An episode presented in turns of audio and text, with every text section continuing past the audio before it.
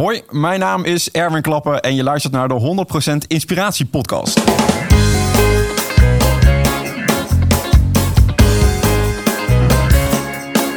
Hey, wat goed dat je luistert. Hij staat weer voor je klaar. Je wekelijkse dosis inspiratie is weer daar. De allerleukste gasten geven al hun kennis prijs. Met je veel te blije host, hij praat je bij. Zijn naam is Thijs.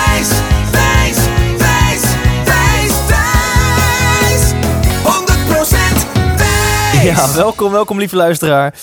Nou eh, ja, Erwin, wij hebben hier al lekker eh, zitten headbangen op, op de tune. en eh, we gaan een heel tof gesprek voeren. Hoop ik, om de druk maar een beetje op te voeren.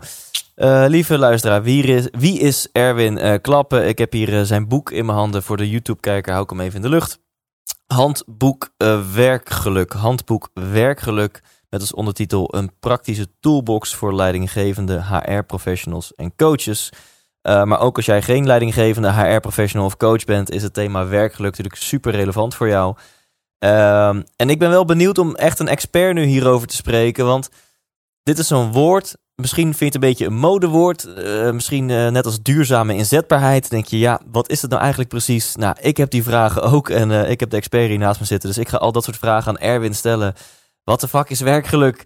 is het mogelijk om ja, passie te vinden in je werk? Is het essentieel om passie te hebben in je werk om werkgeluk te ervaren, bijvoorbeeld. En gezondheid, speelt dat een rol? En wat is de verantwoordelijkheid van de leidinggevende? Wat is jouw eigen verantwoordelijkheid? Nou, daar ga ik het uh, over hebben. Dus als jij ademt, leeft en je werkt uh, onder iemand of boven iemand, dan is dit een relevant uh, interview voor jou.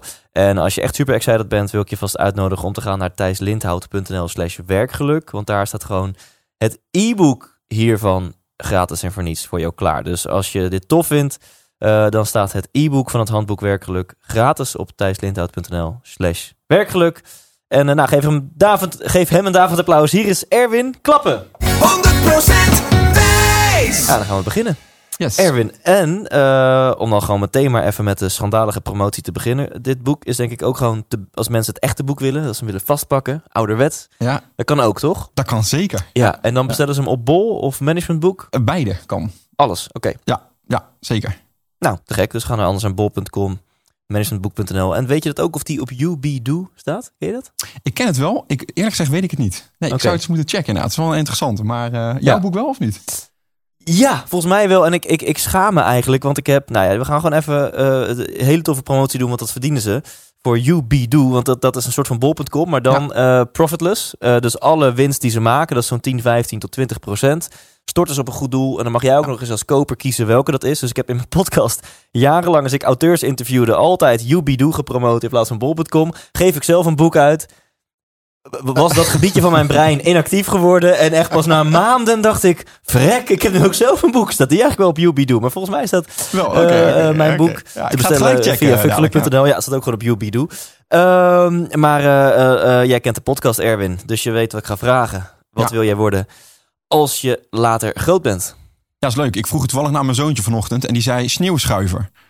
Vond ik wel, oh. vond ik wel een mooie. Wauw. Wow, wow. Toen dacht ik, dat zou ik eigenlijk ook willen worden. Je, je zoontje is 23? Nee, nee, iets, iets jonger. Uh, okay. die, is, uh, die is 6. Die is 6. Sneeuwschuiver. Ja, sneeuwschuiver. Ook, ook dat mooi. je denkt van, nou, als je net op wintersport bent geweest of het sneeuwt, weet je, dan snap ik die belevingswereld. Maar het zonnetje schijnt in principe. Dus een ja, creatieve uh, zoontje. Ja, heel creatief inderdaad. Ik weet niet hoe die erop kwam, maar... Um, Nee, en ik heb natuurlijk zelf, omdat ik met werkgeluk bezig ben... ja, ik heb mezelf de afgelopen tien jaar helemaal gemanoeuvreerd... natuurlijk naar de meest ideale baan, uh, als je het over werkgeluk hebt. Ja. Uh, maar goed, dat is natuurlijk uh, iets wat je misschien vaker hoort.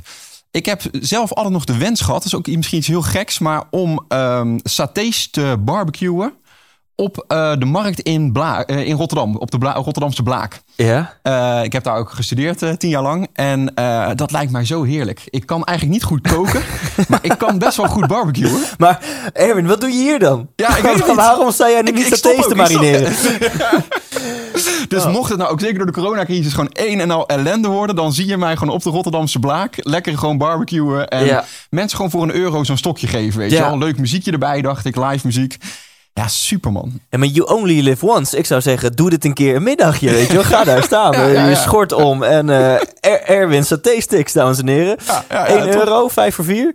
Zoiets. Ja. Ja, ja, ja, op is op. Ja, ja, ja. wauw. Um, Oké, en ik wil zo meteen natuurlijk uh, weten, alle gekheid op een satéstokje, uh, weten waar uh, jouw passie voor dit thema is ontstaan. Want toen jij zes was, weet ik niet of jij zei, ik wil later expert en trainer-coach in werkgeluk worden. Ja. Maar ik wil ook gewoon de luisteraar meteen waarde geven voor, voor de tijd die hij heeft zij investeerd. Dus voordat we het over de why gaan hebben, jouw story... En ja, Simon Sinek draait zich om in zijn graf, want hij zegt begin daar nou mee. Maar ik ben toch een te nieuwsgierig wat de fuck is werkgeluk? Kun je dat eens even eerst even tastbaar maken, zodat we weten waar we gaan, naar gaan luisteren komend uur? Wat is werkgeluk? Ja, dat, eigenlijk is het heel, heel simpel. Um, en ook heel praktisch. Namelijk, ik stel eigenlijk drie vragen aan iedereen die met werkgeluk aan de slag wil gaan. Hoe zit het met je plezier? dus eigenlijk uh, alles bij elkaar. Heb je nou lol in je werk? Ja. Um, dat is de onderste laag van de piramide die jij toevallig nu voor je hebt. Ja, dus dat, ja. uh, de mensen die het uh, zien, die, die kunnen misschien meekijken, maar de rest ja, die moet luisteren. Pagina 73 van het boek. Pagina 73. Dus het begint bij de onderste laag gewoon plezier. Heb je lol in je werk? En medewerkers kunnen heel goed daar gewoon een cijfer aan geven. Van 1 tot en met 10. Nou, als ik aan jou mag vragen, welk cijfer zou je nu gewoon voor, voor lol in je, je werk? ja, ja, ja, ja, het is, het is, schiet, schiet een hele hoop door me heen. Uh, laat ik dan uh, eerlijk zijn, als ik, als ik bij het meest negatieve begin, dan, dan zijn er best wat, wat online dingen die ik nu doe, waarbij dat uh, uh, misschien een 4 is. Ja. mijn theatershow, ja, die dus helaas tijdelijk geannuleerd is. Lieve mensen, ik hoop dat ik vanaf 13 november weer de theaters in mag, maar we weten het niet. Ja, is dat een 9. Een 9 zelfs? Oké, okay. ja, dat is, ja, dat is, dat is zeker, zeker, ja. zeker. Oké, okay.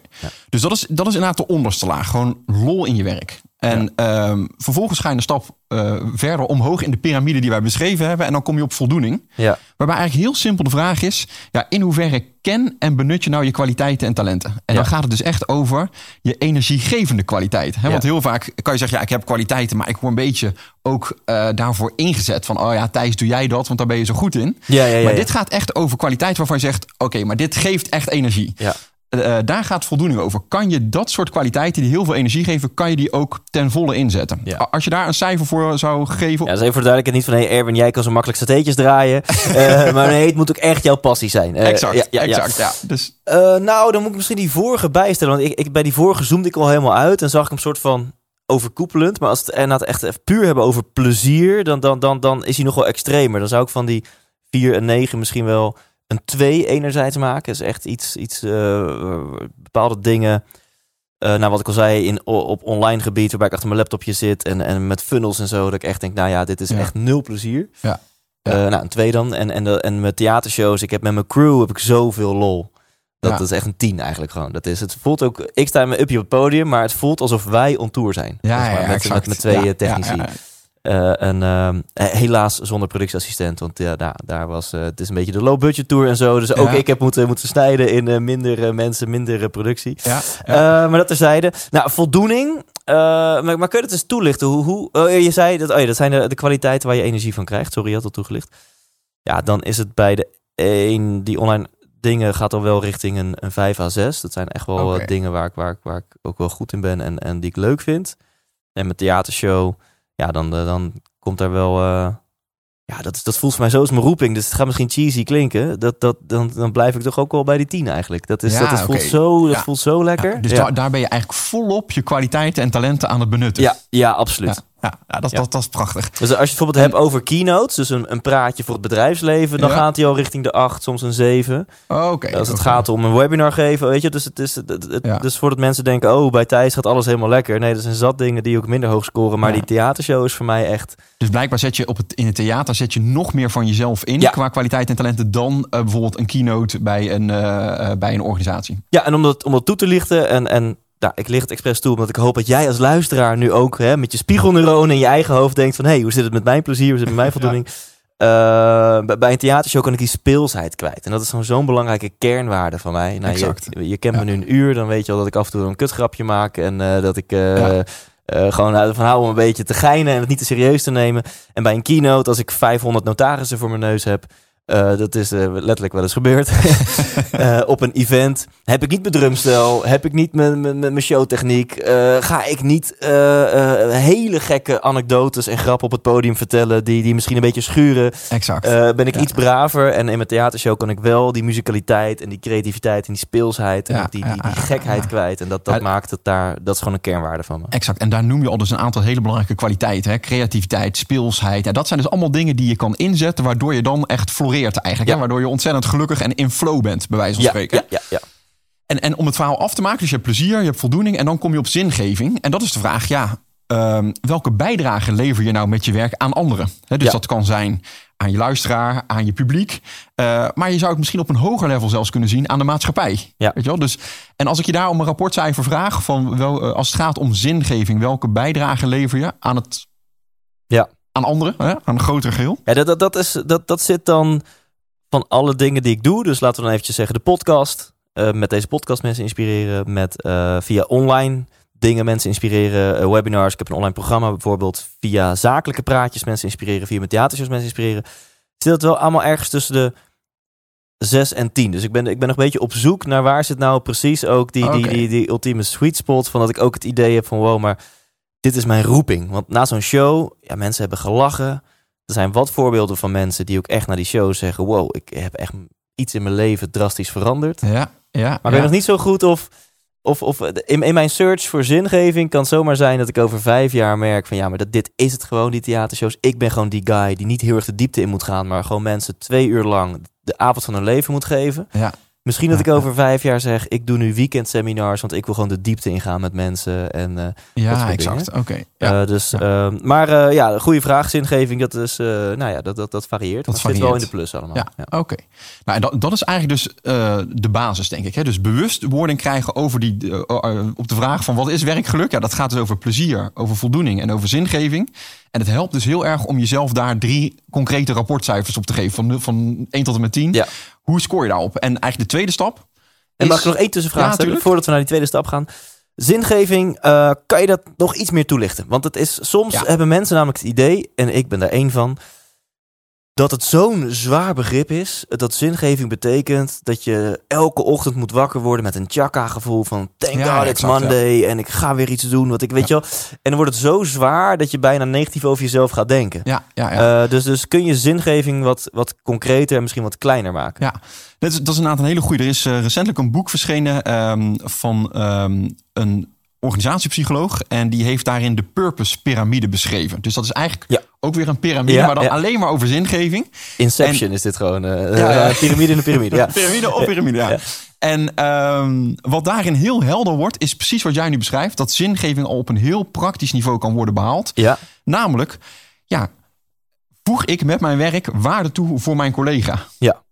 Dus, en ja, dat, dat kan eigenlijk, heeft bijna iedereen dat. Weet je wel? Dat je gewoon, ja, je doet iets waar je anderen mee helpt. Dus ik, oh ja, uh, en, en daarbij geen schade toe, toe, toe berokkend aan anderen. Weet je wel? Dus dat het in ieder geval niet schadelijk is wat je aan het doen bent. Dus eigenlijk gewoon heel praktisch anderen helpen. Ja, kan al. Is eigenlijk al het eerste niveau van zingeving. Oké, oké. dus gewoon een hele simpele vraag. Help ik met mijn werk mijn collega's? Exact. En mag het ook mijn klant zijn? Of hebben het dan... Exact. Oké, andere dus mensen eigenlijk. Andere mensen, ja. help ik de ander. Ja. Een tweede level gaat over vind ik het werk wat ik aan het doen ben persoonlijk betekenisvol. Neem een, uh, iemand in de dierentuin die uh, oh ja. uh, stront aan het scheppen is uit zijn hok. Ja, de ene dierenverzorger zal zeggen: Oh my god, wat ben ik aan het doen? En de ander zal zeggen: Nee, door dit werk, door dat stront te scheppen uit die, die kooien, draag ik indirect bij aan de kwaliteit van leven van die ehm, dieren. dieren. Ja. Dus dan wordt het werk persoonlijk betekenisvol ja. uh, voor je. En dat, dat zie je eigenlijk ook in de, in de ziekenhuiswereld bijvoorbeeld. De ene schoonmaker denkt, nou, ik ben je gewoon een beetje de boel aan het schoonmaken. En de ander denkt, nee, door, door je schoon te maken, verbeter ik de kwaliteit van leven van de patiënten. Ja. Dus eigenlijk de bril waardoor je naar je werk kijkt. Dus dat, is, dat is het tweede level. Dus kan een accountant kan denken, ik, ik zit de hele dag naar een Excel-sheet te kijken en uh, met een geweer in zijn mond van, wat ben ik aan het doen? Ja. En een andere accountant denkt van, wauw, ik, ik geef gewoon betekenis aan de levens van ondernemers die heel veel andere mensen helpen dus ik heb eigenlijk indirect een giga-impact. Want van al die ondernemers die ik help, kunnen zij hun werk nog beter doen. Nou, bla, bla, bla. Ja, exact. Ja, helemaal dat inderdaad. En dan de, de top van de piramide, um, van die purpose-piramide, gaat over de vraag: ja, is het werk wat ik aan het doen ben ook maatschappelijk relevant? Oké. Dus dan zoom je eigenlijk nog meer uit en dan kom je echt op een maatschappelijk level. Dus je- dat is ook niet voor heel veel mensen weggelegd. hè. Zo'n 12% gemiddeld Ja. eh, bereikt de top van die purpose piramide. Maar je kan je voorstellen, ja, als je daar komt, als je denkt, "Jee, ik ben gewoon op maatschappelijk niveau eigenlijk echt bezig om impact te creëren. Ja, dat zijn mensen die gewoon veel meer gedaan krijgen per uur. Weet je, er komt veel meer uit hun handen, omdat Ja. ze zo'n hoog niveau van zingeving ervaren. Ja. Nogmaals, dat hoeft niet. Hè. Het is al prima als je gewoon denkt, hey, met mijn werk help ik mijn collega. Ja, dan, dan ervaar je al een eerste stap van zingeving eigenlijk. Ik vind het te gek. Dus één, help ik andere mensen. Ja. Eh, eh, twee, het ook weer? Persoonlijk betekenisvol. Hè. Dus eh, is dit werk wat ik aan het doen ben, vind ik dat zelf Oh ja, voor oh mezelf is het voor persoonlijk belangrijk? En Ja. drie is het maatschappelijk eh, relevant. Eh, ja, Ja. Dus, dus kan ik echt, als ik even mijn eigen... Hè, dat ik het belangrijk vind, is niveau twee. Oké, interessant, maar zet het even aan de kant. Als ik dat aan de kant zet, is het ook echt... Maak ik het wereld een stukje mooier eigenlijk. Exact. Is het echt iets... Ja, kan ik mijn idealen echt kwijt, hè? Waarmaken. ja, Eh, en ondertussen, wat ik al voorspelde, loopt inderdaad mijn laptop vast. Maar dat maakt helemaal niet uit, want we hebben hier nog steeds eh, de rek eh, Gelukkig, knop. Dus dat, eh, er moet nog gesleuteld worden aan de productieruimte hier eh, van de Onze Inspiratie podcast. hey, maar fantastisch. Ik hou hiervan. Ik, ik zit nu al high in mijn energy, want eh, ik, ik, ik vuur een vraag op jou af en je komt met modellen en met intelligente antwoorden. Eh, dus te gek. Ik denk dat voor mensen nu al twee piramides duidelijk zijn. Eén, die, ja, ja, ja. die, die, die volgens mij zijn oorsprong bij Aristoteles vindt. Hè? Ja, De- dat is de, helemaal de drie waar, levels van werkgeluk, plezier, voldoening, zingeving. En je hebt ook nog een zingeving extra toegelicht. Stap 2, daar gingen we naartoe. Ja, en dan is het dus leuk dat je zegt: Oké, je hebt drie rapportcijfers op plezier, op voldoening en op zingeving. Waar zit nou voor jou de grootste uitdaging? Dus dat vraag ik ook aan alle eh, medewerkers en leidinggevenden die ik eh, coach. Van selecteer er nou eens één op, op plezier, op voldoening of op zingeving. Waar zit voor jou op dit moment nou de grootste uitdaging? Ja. Omcirkel die. Gewoon Ja. heel praktisch. Hè? Ja. Dus, eh, en dat hoeft niet het laagste rapportcijfer te zijn. Maar dat is gewoon hetgeen waarvan jij zegt: ja, daar voel ik me nu het meest gemotiveerd om mee aan de slag te gaan. Ja, mooi, mooi geformuleerd. Ja, Ja. dus, dus vaak is, soms is dat inderdaad je laagste rapportcijfer, maar dat hoeft niet. Nee. Weet je, je kan ook zeggen, nou, ik geef een, eh, weet ik veel, een, een 8 voor voldoening, maar ik wil er een 9 van maken. Oké, maar het kan ook zijn dat je zegt, nee, ja, ik scoor extreem laag op plezier, dat is een 3, ik wil er graag een 4 van maken. Ja. Dus dat is eigenlijk de volgende stap. Ja. Hoe zou dat bij jou nu zijn als je kijkt naar plezier, voldoening en zingeving? Ja, dan laten we dan even voor het gemak deze podcast pakken. Want anders blijf ik alle kanten Ja, op. dat is wel goed, even, even te focussen. Ja. Ehm, nou, ja, om heel eerlijk te zijn, is dat, is dat eigenlijk wel eh, plezier. Oké, Ja, waar ik wel, eh, die, die mag wel omhoog. en ja. je, je geeft plezier voor de podcast nu, welk cijfer zou je het geven? Mm, ja, Dit maar gesprek. gewoon- ja, dit gesprek is helemaal waardeloos, maar over het algemeen. Ehm, nee, ja, laat ik maar gewoon eerlijk zijn. Eigenlijk, eh, dit, even los van dit gesprek, want eh, ik heb het oprecht naar mijn zin. Gelukkig. Eh, maar maar dat, dat zit wel rond de vijf. Ik ben best wel op zoek naar eh, de, de, Ja. de- weer de nieuwe energie in de podcast. Want het begint wel soms iets te, een trucje te worden, wat ik heel vaak doe. Dus Ja. eh, nou, laat ik Ja. maar gewoon... eh, ik vind het heel spannend wat ik nu doe. Maar lief luisteraar, ja, eh, even eerlijk. Op dit moment is dat een vijf. Een vijf, oké. Nou, is heel, heel eerlijk. is heel, heel mooi ook om die eerlijkheid ook gewoon te, te, te, te hebben en te tonen. Want da- daarmee kan je juist er werk van gaan maken. dat is het leuke. Dus als je zegt, oké, wat is er dan voor nodig? Dat is eigenlijk de derde stap. Dus je hebt geselecteerd, oké, nou, hier zit het hem in. Oh, nog een tussenstap is eigenlijk dan een soort range aan te brengen. Dus je zegt, oké, het is gemiddeld een vijf. Wanneer is het hoger dan een vijf plezier? En wanneer is het lager dan een vijf? Oh ja, ja, ja, ja. Het is hoger dan een 5 als de, er een eh, onwijze klik is met de gast. Dus als ik gewoon merk dat de pap, de energie gaat omhoog. Ja. Het is hoger dan een 5 als het onderwerp echt mijn, mijn, mijn, mijn hart raakt, mijn interesse wekt. En het is hoger dan een 5 als eh, het iemand is die ik al gewoon super lang, super graag wilde interviewen. Ja, dat is wat je eigenlijk met mij had toen. Van, van, Alle drie. heb ik- ja. Mooi, ik, ik mag dat wel. Mooi. Ja, ja nee, dat ja. Maar oké, dus dat is inderdaad, want dat geeft dus heel veel richting voor de toekomst. Dus je weet eigenlijk die drie dingen die je net hebt genoemd. Oké, dan, dan wordt die vijf in één keer hoger. Ja.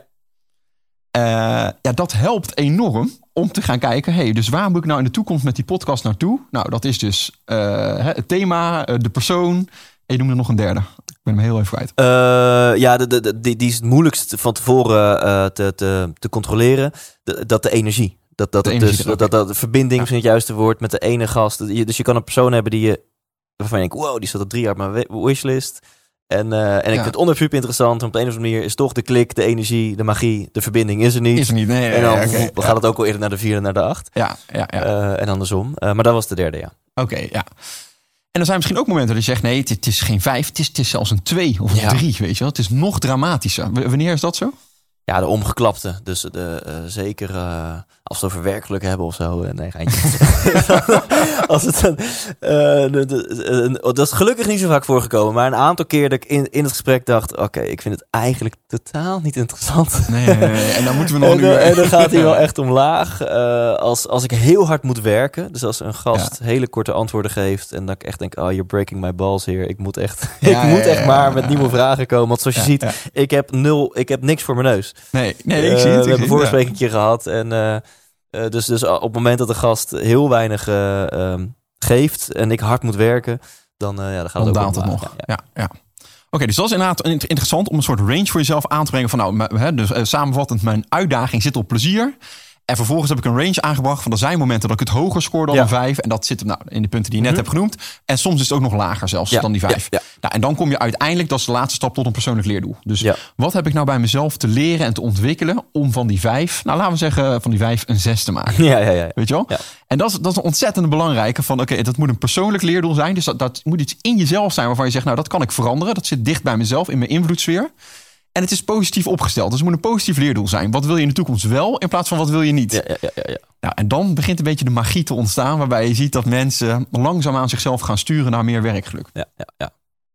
Dus. Wat het voor mij is. Nee, ik weet het wel hoor. Ja? Ja, ja nee, dat, dat is heel simpel. Ik ben, ik ben vrij lui. Uh, wij spreken elkaar nu pas voor het eerst. Dus al het contact is via mijn uh, assistent gegaan. Ja. Uh, met, met dit mini-assessmentje wat je nu met mij hebt gedaan. Met, met eigenlijk heb ik nu even boven water gehaald wat er op onbewust niveau zat. Ja. Met die kennis zou ik eigenlijk een beetje peper in mijn reet moeten stoppen. En wat je erin stopt, is wat je eruit haalt. Zelf weer iets proactiever energie erin stoppen. Van hey, nu ik dit van mezelf weet, welke gasten moet ik dan wel en niet gaan uitnodigen? Exact. Hoe moet ik die interviews wel en niet gaan insteken? En als ik dan zelf iets meer energie steek in, in, in het maken van een wishlist van gasten die daarbij passen. Ja. Uh, dan, uh, dan ga ik er ook weer veel meer uithalen. Exact. Ja. ja. Ja, dus zo simpel is het. Ja. Nou, klaar. Heb je nog vragen? nou, dit is, ik vind dit, ja, ik hou hiervan. Ik hoop mijn luisteraar ook. Uh, en als dit jou raakt en je wil meer plezier in je werk, ga, ga ook zeker dit nog een keer luisteren. En ik, uh, misschien mag ik nog één ding toevoegen. Uh, ik vertel het nu en de, de grondlegger hiervan is Onno Hamburger in Nederland. Vind ik wel belangrijk even om te noemen. Oh. Ik heb aan hem ook veel te oh, danken. Ja, ja, ja, ik heb samen ook met hem de redactie en met Ad Bergsma van het handboek Werkgeluk gevormd. Ja. Dus veel van dit soort dingen komen uit de koker van Onno. Dat is echt een soort bron in Nederland van werkgeluk. Dus ik denk het is wel even belangrijk om dat ook okay netjes te vernoemen. Ja, top, top, top. dus uh, credits aan Onno Hamburger, dames en heren. Uh, we, we, gaan natuurlijk nog door, maar dit is denk ik al een stuk om een keer op zondagmiddag terug te luisteren met notitieblokje erbij om voor jezelf die assessment te doen. Ja.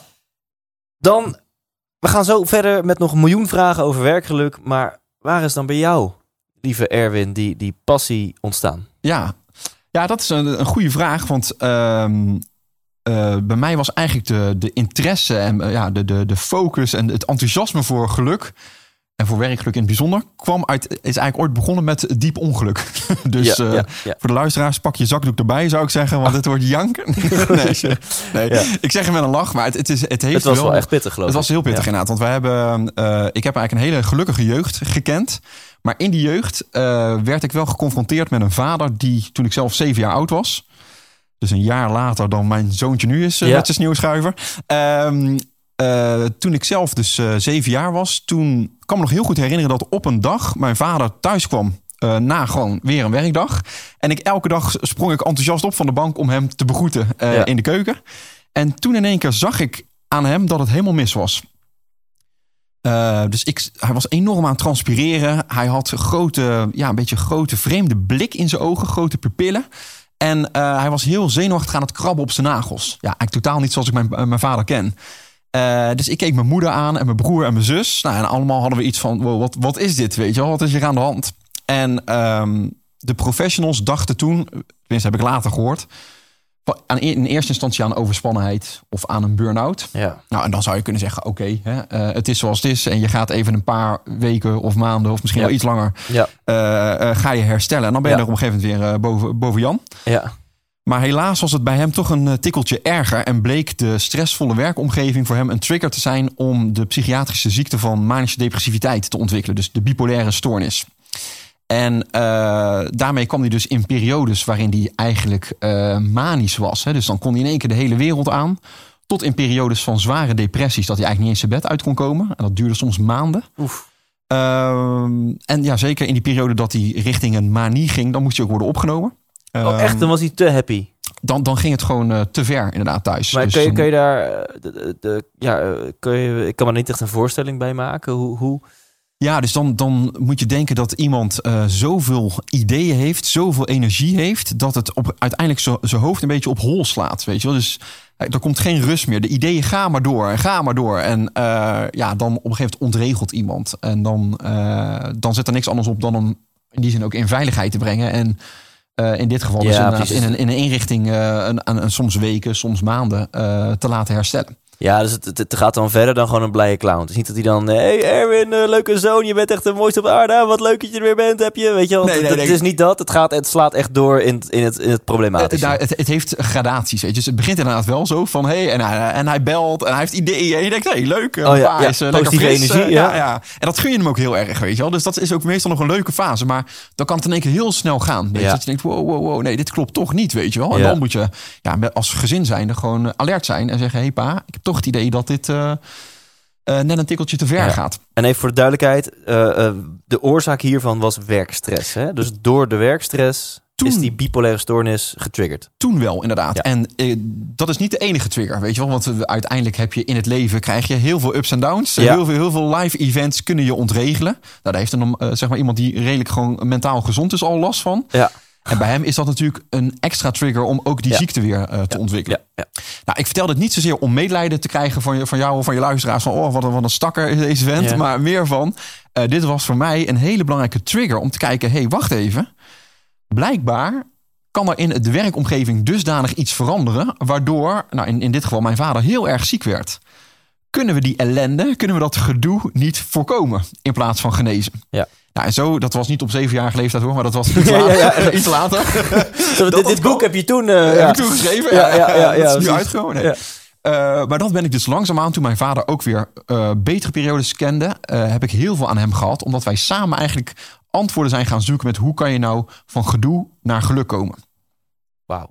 En, en je bent dus samen met jouw pa echt...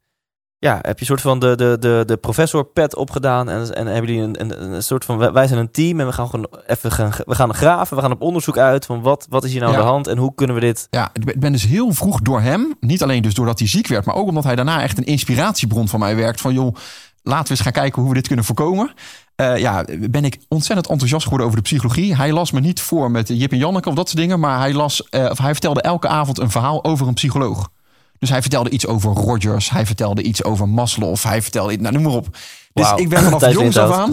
Thijs Lindhout zei hij ook, heeft ook een goed boek geschreven. En, Ja, ja, ja.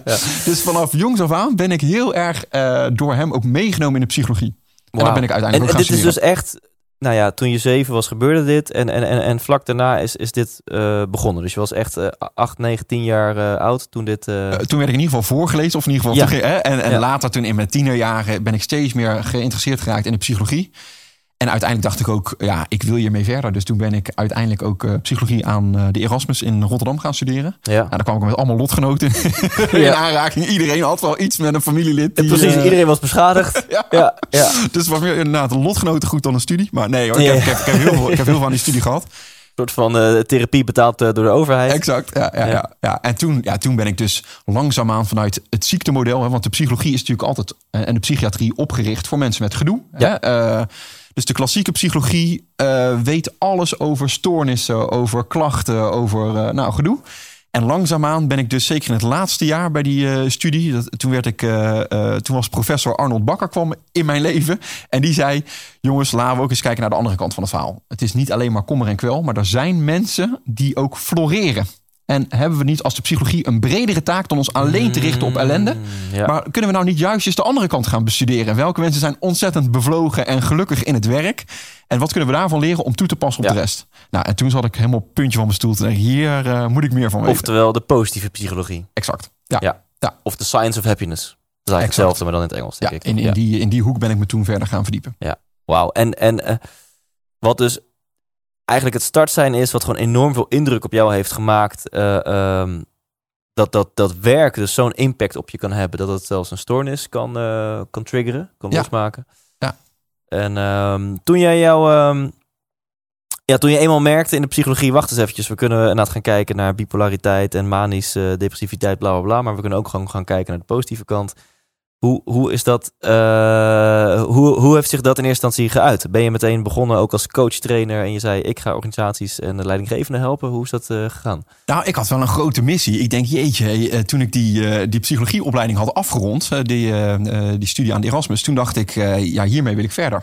Hoe, hoe kunnen we heel Nederland bevlogen aan het werk krijgen en gelukkig? Nou, dat is natuurlijk een vrij naïeve gedachte om iedereen mee te krijgen daarin. Maar dat was wel mijn eerste beeld van we gaan gewoon zorgen dat heel Nederland gelukkig in het werk wordt. Ja. En dan kom je in de praktijk. Nou, ik ben begonnen als HR-trainee bij eh, het Amphia ziekenhuis in Breda. Ja, en die organisatie was helemaal niet daarmee bezig. Weet je wel. Dus uh, ik kwam op mijn sollicitatiegesprek en zeg: jongens, dit, uh, ja, dit, dit gaan we doen. Dit is super mooi. Ik, ik weet exact, heb ik het idee, ik weet exact hoe we medewerkers gelukkiger kunnen krijgen. Ja. Um, maar dan moet je de kleilagen van een organisatie door. Weet je wel. En uh, de eerste keer dat ik dit ging voorstellen bij het MT HRM vanuit Amphia allemaal ontzettend leuke lui, maar echt lachen. Van ah, die klappen met zijn geluk en werk. Laat die lekker thuis mensen gaan knuffelen. Hier niet. Weet je wel, je moet gewoon te spreken 2010 of zo. Uh, ja, dat was 2010. Ja. ja. Maar e-, even bizar, hè? Want het is, ja, ik zit natuurlijk vuistdiep in in de hele wereld van geluk en spiritualiteit. En het kan mij niet happy peppy en zweverig genoeg. En mijn luisteraar mogelijk ook. Maar tien jaar is natuurlijk helemaal niks, hè? Maar tien jaar geleden was inderdaad ik weet het zelf ook. In 2011 begon ik een beetje mijn persoonlijke ontwikkelingsjourney. En uh, begon ik een keer uh, uh, wat gezonder te, te, leven. En ik gooide een keer wat, wat, wat broccoli door een blender. En ja, ja, dat soort dingen. Mensen keken me aan van wat de fuck ben jij aan het doen? Uh, maar dat, dat, dat, dat gewoon echt... dat is een heel raar voorbeeld trouwens. Maar goed. Dat, dat tien jaar geleden echt een, een woord als werkgeluk... of laten we eens gaan kijken naar het happiness level van de medewerkers. Dat mensen echt dachten... joh, oude Emiel Ratenband, ga jij eens eventjes, uh, ga jij eens even je gezin knuffelen. Maar ja, precies bizar, hoe die tijdgeest is veranderd in een hele korte tijd. Ja, ja echt. En daar werd natuurlijk ook mee geassocieerd. Hè, met de Emiel Ratelband, met Chaka. En uh, niks te nadelen van uh, Emiel. Ik denk dat hij echt zijn sporen verdient. Ja. Maar inmiddels weten we dus, ja, het, het is meer dan alleen Chaka. Weet je wel? Het, is, het, het zit, waar we het net over hebben gehad, het zit op plezier, het zit op voldoening, het zit op zingeving. Ja, en dan daar gaat nog een, heel, een hele wereld gaat daar nog achter schel om mensen echt daar te krijgen. Ja. Um, maar ja, dat klopt. Ja, dus maar, maar ga verder, want ik onderbrak je. Jij zat toen inderdaad bij het MT van Amphia, groot ziekenhuis in Breda. Ja. En je begon over werkgeluk en zij dacht, hé, hey, uh, klappen. Ze, ze kwamen niet meer bij van lachen. ja, ja, ja, ja, precies. nee, nee. nee. en ik moet zeggen, ook daarin weer de credits wel voor het, uh, in dit geval dus het MT HRM was dat. Want uiteindelijk hebben ze gezegd, en zeker ook de manager was daar belangrijk in, de manager uh, PNO, HR, die zei van, nou weet je wat, begin eens met een pilot. Dus jij krijgt van mij de gelegenheid. En dat was ook te danken ook aan de directie van het Amphia. Die heeft daar ook echt bij geholpen. Je krijgt de, uh, een pilot, twee groepjes. Uh, verpleegkundigen, interne geneeskunde. Die ik samen met Onno, die ik noemde net al, uh, Onno Hamburger. We hebben samen dat traject gedragen. En we zijn mensen gewoon gaan trainen in deze aanpak. Ja. En dat hebben we gedaan bij de interventiegroep. Dus de mensen die ook daadwerkelijk de training zijn ondergaan. Maar we hebben ook gekeken uh, naar de controlegroepen. Dus we hebben vergelijkbare verpleegkundigen op dezelfde afdeling, maar in een ander team. Ja. Die zijn we ook gaan meten. We hebben dus gekeken naar, oké, hoe zit het met hun geluk voor en na de training? Hoe zit het met hun bevlogenheid? Maar ook hoe zit het met verzuim? Hoe zit het met productiviteit? Hoe zit het met creativiteit? Hoe zit het met patiëntbeleving? Ja, en toen, ook al was het een hele kleine steekproef, uh, maar toen zagen we een keer hele bijzondere verschillen ontstaan. Dat daar waar we aan de slag gingen met werkgeluk, ja, was het verzuim in één keer met 2% gedaald. Uh, lagen wow. de patiënten veel tevredener in hun bed. Um, was de lichtduur van een patiënt ook sterk verkort. Uh, durfden mensen ook fouten toe te geven? Verpleegkundigen zeggen, ja, sorry, er is iemand uit bed gevallen. Dat werd voorheen niet gemeld. Nu in één keer wel. Dus oftewel, qua kwaliteit en qua veiligheid konden we ook stappen gaan zetten. En met die resultaten onder de arm ben ik naar de directie gegaan en zeggen: jongens, volgens mij hebben we hier goud in handen. We kunnen, als we dit op organisatieniveau gaan uh, toepassen, ja, dan uh, heb je daar een fantastisch ja. ziekenhuis. Want werkelijk zou je kunnen platslaan misschien als lekker in je vel zitten. En als medewerkers lekker in hun vel zitten, durven ze eerlijker te zijn. Uh, zorgen ze beter voor zichzelf, zorgen ze beter voor de patiënten, et cetera. Exact. Het lijkt een soort positief, uh, ja, een soort positief virus. In deze tijd niet het meest handige woord. Heel maar, gevoelig, uh, ja, ja. Maar je kan inderdaad een positief virus ook veroorzaken door als je mensen aansteekt met hun uh, bevlogenheid, met hun uh, uh, werkgeluk, dan heeft dat ook weer een aanstekelijke werking op hun omgeving. Dus ze steken daarmee de patiënt aan, maar ook ja, die klagende, doodongelukkige medewerker die ook ja, ja, in je team werkt. En je zegt, we gingen aan de slag met werkgeluk. Is dat dan eigenlijk het model wat je aan het begin van deze aflevering deelde? en kan je daar iets meer over vertellen? Want het, het klinkt bijna alsof we inderdaad uh, halleluja gaan roepen van hey, uh, iedereen was ongelukkig en we hadden slechte, even, even gechargeerd gezegd, en slechte cijfers. We gingen aan de slag met werkgeluk. hey, en toen minder verzuim, blijere patiënten, blijere medewerkers. Ja, ja, zo snel gaat het niet. Nee, wat, wat, kan je dus iets meer nog vertellen over dan dat traject? Ja, nou de, de eerste stap... Uh, als je een, uh, wij werken altijd met kleine groepjes, uh, groepjes van acht, in dit geval acht verpleegkundigen. de eerste stap is al, ja, wie doen er nou mee aan die training? Ja. Uh, ik, ik, ik heb daar ook heel veel fouten gemaakt. Maar het eerste wat ik leerde is... mensen moeten op basis van vrijwilligheid hier aan meedoen. Dus je moet mensen niet uh, werkgeluk door de strot heen duwen. Van jij zal en je moet gelukkiger worden in je werk. Ja, dat werkt niet. Het is iets intrinsieks. Daar kiezen mensen zelf voor. Uh, dus dat is eigenlijk de eerste stap. We, we gaan alleen maar aan de slag met de mensen die willen. Ja. Ja. En dat is al heel moeilijk, want heel veel managers zeggen: nee, ja, ik wil juist dat Pietje meedoet, want die is zo ongelukkig en die loopt de hele tijd maar te zeiken. En, uh, ja. en dan was toch elke keer mijn antwoord: Pietje volgt wel. Ja. Weet je wel? Laten we niet mensen. Het, ze hebben wel, ze zeggen wel eens, uh, de mensen die geluk willen bevorderen bij anderen, hebben iets weg van een oud vrouwtje helpen oversteken over het zebrapad, terwijl ze zelf helemaal niet wil oversteken. Ja, ja, ja, ja. dat vrouwtje wil gewoon in de regen staan. Denk, laat me. Ja. Ik zie wel dat de zon aan de andere kant van de weg schijnt, maar laat mij in de regen staan. Ja, ja. En uh, zo is het ook met werkgeluk. Je moet mensen dus verleiden. De eerste mensen steken over. En doordat ze zien dat je veilig kan oversteken, volgt de rest vanzelf. Ja, ja. Dus dat is eigenlijk de eerste les die ik heb geleerd. Eh, deelname op basis van vrijwilligheid. Ja. En vervolgens ook kleinschalig. Gewoon, we beginnen eens met twee groepjes. Niet gelijk het hele Amphia gaan we trainen. Nee, we beginnen gewoon eens met twee groepjes. En we gaan kijken wat dat doet. Uh, en als dan eenmaal die groep in uh, de zaal aanwezig is... Ook een externe uh, trainingslocatie is ook een ontzettend belangrijke. Een soort van neutrale omgeving. Neutraal, haal ze uit de werkomgeving. Want ja. zodra je pauze houdt en je hebt een intern trainingsruimte, ja. dan zijn ze gelijk weer weg. Weet je? Dan zitten ze weer in hun inbox zelf met de patiënt zijn ze bezig. Dus dat is ellende. Um, en dan gaat eigenlijk de eerste uh, stap die je moet zetten als je die groep tegenover je hebt, is veiligheid. Hoe zorg je nou dat mensen hun verhaal gaan doen? Kijk, jij doet dat net heel makkelijk en je zegt, nou, ik geef de, de cijfers, uh, dat, dat, dat. Maar er zijn legio mensen die vinden dit ontzettend spannend om het hierover te hebben. Die, die slapen echt een dag van tevoren niet voordat ze naar de training gaan. Denk, oh jee, ik moet vandaag over mijn werk ongeluk heel vaak gaan hebben. Dus dat is eigenlijk stap 1. Hoe zorg je nou dat mensen in een soort warm bad terechtkomen... waarin ze ook uh, uh, ja, de dingen durven te zeggen... Ja. over wat ze denken en voelen bij hun ja, werk. Ja, ja, en zo kan ik nog wel even door. Nee, ik, ik, ik keek gewoon even naar het cameralampje. Okay, dus ja, ga, ga maar door. Dat was geen cue. Nee, nee, okay, dus dat is eigenlijk stap 1. Zorgen dat er een warm bad is waarin mensen dus zich veilig uh, durven te voelen. Om ook gewoon zo open en eerlijk mogelijk te zijn over hun eigen werk. Ongeluk. Um, nou, vervolgens inderdaad, de volgende stap is bewustwording creëren. Dat doen we dus door middel van die piramide. Ja, en de, en de stap daarna, ik noem het een beetje, hoe kan je van een Calimero een Cali Hero maken? Oftewel, ja, hoe, hoe zorg je nou ja. dat mensen ook stoppen met azijn te drinken en ja. uh, gewoon weer lekker koffie gaan drinken? Hè? Oftewel, ja. hoe, hoe zorg je nou dat het slachtofferschap stopt? Ja. Want iedereen komt binnen in zo'n uh, training en denkt: ja, maar het komt door mijn leidinggevende, het komt door de organisatie, het komt door dit, het komt door dat. Ze hebben heel vaak, en dat heb ik zelf ook hoor, heb je de neiging om de verantwoordelijkheid voor je werkgeluk buiten jezelf te zoeken. Ja. Maar zolang je dat blijft doen, verandert er niks. Ja. dus de eerste stap is. Uh, of tenminste de eerste, maar in, in die training is een hele cruciale stap. Op een gegeven moment ook zeggen: oké, okay, we accepteren en erkennen de realiteit, het probleem wat er op dit moment is. En vanuit daar ga ik kijken welke mogelijkheden heb ik. Ja. Waar zit mijn invloed? En oké, okay, dus je creëert die veiligheid. Vervolgens doe je die assessment, dat mensen eerlijk gaan zijn over de cijfers die ze zichzelf geven. En vervolgens is dan de stap, oké, okay, wat kun jij eraan doen? Wat ligt binnen jouw invloedssfeer om dit te verbeteren?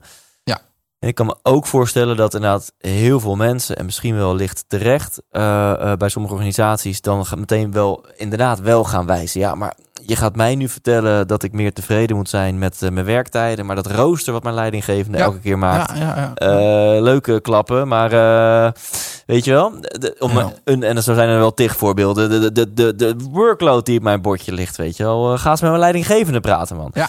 Hoe, hoe, ja, hoe, hoe ga je daarmee om en hoe lukt het je dan om mensen dan toch nog op hun eigen verantwoordelijkheid te wijzen? Nou kijk, weet je, ze hebben daar ook vaak gewoon gelijk in, weet je wel. Dus uh, het is en, en, en, zeg maar. En de medewerker zelf heeft zijn invloed. En de leidinggevende heeft er een rol in. En de organisatie. Ja. Dus het is gelukkig werken, het is gelukkig leiding geven en het is gelukkig organiseren. Ja. Op die drie levels kan je eigenlijk altijd aan de slag met werkgeluk. Ja. Dat, zo hebben we ook ons handboek ingedeeld op die drie thema's. Eigenlijk op die drie hoofdbrokken. Van wat kan je zelf doen, wat kan je leidinggevende doen, wat kan je organisatie doen. En uh, ja, wat ik altijd zeg als je in zo'n training ook met die groep bezig bent. Van ja, we kunnen op dit moment jouw leidinggevende en je organisatie niet veranderen vandaag. daar heb ik geen invloed op. Nee, nee. Daar heb je zelf ook geen invloed op. We kunnen vandaag wel kijken waar jouw invloed zit. Ja. En die is vaak veel groter dan ze aanvankelijk denken. Ja. Dus een gevoel van invloed weer krijgen is een cruciale om met je werkgeluk aan de slag te gaan. Ja. Maar heel vaak ook door reorganisaties en door veranderingen hebben mensen, uh, medewerkers het, het gevoel ja, ik word geleefd door mijn omgeving. Ik word bepaald door mijn omgeving. Weet je wel, een soort externe locus of control. van ik heb daar geen invloed meer op. En dat is dus een fundamentele om dat gevoel van invloed weer terug te krijgen. Ja, en ik denk, en het wordt dan wel bijna een psychologie-podcast, maar waarom ook niet, dat heel veel mensen uh, een bepaalde veiligheid ervaren bij hun slachtofferrol. Dus heel veel mensen vinden het super veilig om te zeggen: nee, maar het komt door mijn leidinggevende. Het komt door de organisatie. Het komt door het beleid. En daar houden ze zo aan vast. Want zolang ze, ja. zolang ze daar aan vasthouden, hoeven ze niet toe te geven dat ze zelf ook wel iets. Exact. En, en ja, wat je net noemde, dit is dus azijn. En ga nou weer eens koffie drinken. Of exact. een uh, groene smoothie. Ja. Um, ja, hoe, hoe lukt het? Lukt je vast niet altijd. Want er zijn mensen die gewoon niet eh, de bereidheid hebben om te veranderen. Maar hoe, hoe lukt het jou om die mensen toch een beetje los te weken? Van ja, je hebt gelijk. Het is helemaal waar je leidinggever is een asshole. Het beleid is helemaal kloten. Je hebt helemaal gelijk. Je hebt helemaal gelijk. weet je, maar, okay, maar nu, laten we toch, weet je, hoe weet je die mensen los van die, van die veiligheid die ze eigenlijk hechten aan hun slachtofferrol? Ja, dus uh, het begint al met de mensen toelaten uh, in die training. dus niet iedereen mag oh, meedoen. Ja, ja. dus als jij niet wil. Nou, iedereen mag meedoen als je zelf wil. Exact. Dus daar, en als je mensen uh, intrinsiek gemotiveerd hebt om mee te doen aan die training, dan gaat het meestal vanzelf. Want iedereen wil dan iets met zijn eigen werk. Ja, oké. Maar tuurlijk, je hebt gelijk. Af en toe glipt er ook wel eens iemand doorheen die denkt... Uh, ja, een stoffige Gerard die al uh, eh, 30 jaar in een dood ongelukkige baan zit. En die denkt, joh, uh, succes klappen. Ik, ik zit hier lang... Echt, heb ik letterlijk gehad. Gewoon echt lang uit. en dat je denkt, jeetje, dit is gewoon niet meer te doen. Dit, dit, dit is... En dan is mijn eerste vraag altijd... Ben je uitgeleerd? Weet je wel? Heb je, heb je inderdaad niks meer te leren? Ja. En nou, dan, dan is er echt bijna niemand die zegt: uh, Nou, dat klopt, ik heb niks meer te leren. Iedereen heeft wat te leren bij zichzelf. Dus op een gegeven moment komt er dan ook een beetje confrontatie bij. Dus je zegt: Ja, maar wacht even. Hey, we zijn hier nu. Of je haakt aan en je gaat kijken nog waar je wat te ontwikkelen en te leren hebt. Ja, en anders zou ik zeggen: Geniet nog van de lunch. Maar dan moeten we ook gaan afscheid nemen na, na de lunch. En dan ga ik met, door met de mensen die willen. Ja. heb ik echt in een enkel geval gehad. En heel vaak werkt het al goed doordat de rest mee gaat doen. Ja, dan ziet zo'n laatste persoon ook wel van... wacht even, iedereen heeft hier een persoonlijk leerdoel... waar hij uh, mee aan de slag gaat.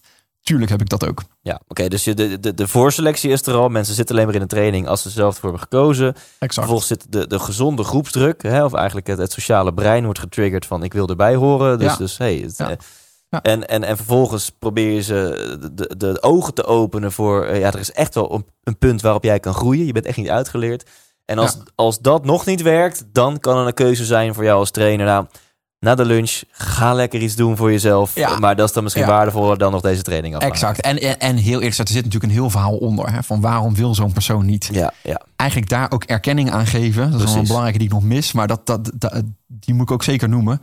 Gewoon aangeven, ja, het is spannend. En weet je wel, en je, en je hebt misschien, je bent al heel lang heel ongelukkig. En daar ben je helemaal in vastgegroeid.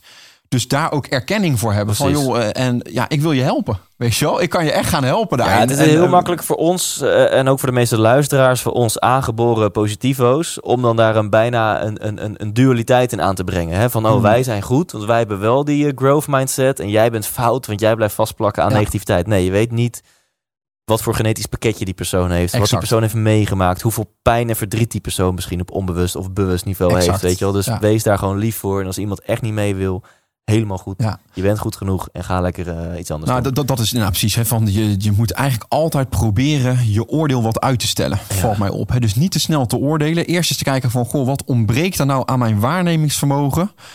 voordat ik echt ga oordelen over zo iemand. Want daar zit, bij iedereen zit er een heel verhaal achter. Ja. Uh, en daar, daar, daar gaat de training ook over. Daar aandacht voor hebben van... hey, wat speelt er onder de ijs, uh, de, de, de ijsberg, onder de topje van de ijsberg? Wat zit er onder dat wateroppervlak? Um, ja, en dan, als we daarover gaan hebben, dan, dan komt iedereen wel. Precies, ja. Dan ontdooit iedereen ja. meestal wel. Nee, en dan na de lunchpauze, hè, maken we nog maar even af. Uh, waardoor, want we zitten eigenlijk nog in het voorbeeld van Amphia. Hè, wat is uiteindelijk de aanpak geweest? Waardoor, nou, over een tijd van, ik denk, meerdere maanden of misschien nog wel meer. Ja. je echt ook aantoonbaar betere cijfers kon laten zien. Ja, en dan, dan komt denk ik misschien het allerbelangrijkste, is de vraag, waardoor worden we nou gelukkig of ongelukkig? Dus welke, we weten nou op een gegeven moment hè, hoe gelukkig of hoe ongelukkig je bent, maar waar komt het nou door? Weet je wel, welke factoren bepalen nou dat jij wel of niet floreert in je werk?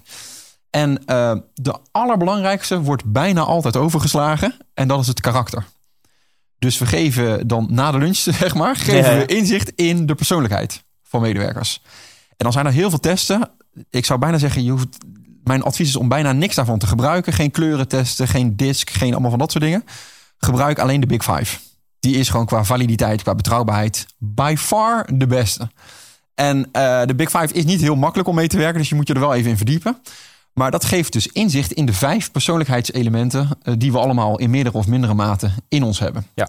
Dus dat gaat van extraversie, hoe, hoe, dat, is, dat, dat is de eerste, hè, van scoren mensen hoog of laag op extraversie zijn dus dimensies. Hè? Dus die lopen van zeer introvert naar zeer extravert. En alles wat daartussen zit. Um, nou, en zo heb je nog vier. Ik kan ze noemen, ik weet niet of dat. Ja, uh, nee, ik zit er zo'n stoel. Oké, okay, okay. Dus de eerste is introversie versus extraversie. Um, de tweede is gevoeligheid. Ben ik nou heel erg gevoelig voor negatieve emoties en voor stress? Of ben ik juist heel erg emotioneel stabiel? De derde gaat over openstaan. Sta ik nou heel erg open voor veranderingen? Denk ik, hey, yes, een reorganisatie. Wat leuk. Welke, of hey, een coronacrisis. Welke kansen gaat, gaat het me brengen? Of sta je daar wat minder open voor en zeg je van, nou, even kijken of deze verandering ook wel echt een verbetering is. Ja, ja, ja. Um, de vierde is altruïsme. Dus ben ik nou heel erg gericht op hoe het met Thijs gaat, hoe het met de ander gaat? Of ben ik veel meer op mezelf gericht, op, compet op uh, competitie, de strijd aangaan met anderen? En als laatste, dat is voor mijzelf altijd een wat pijnlijk punt, is focus en doelgerichtheid. Ik ben nog wat chaotisch van aard, maar je hebt mensen die natuurlijk ook heel gefocust, gedisciplineerd uh, kunnen ja, werken. Ja, ja. En we weten inmiddels als recentelijk door uh, een, een, groot werkgeluk onderzoek uh, is, dat, is die resultaten zijn eruit gekomen. Drie van die vijf elementen spelen een hele grote rol in het bereik wat mensen qua werkgeluk kunnen krijgen. Namelijk mensen die hoog scoren op extraversie, mensen die hoog scoren op altruïsme en mensen die laag scoren op neuroticisme, die hebben gewoon een voordeel als het over hun werkgeluk gaat. Dus die, die kunnen makkelijker hoge cijfers voor werkgeluk halen. Ja, ja.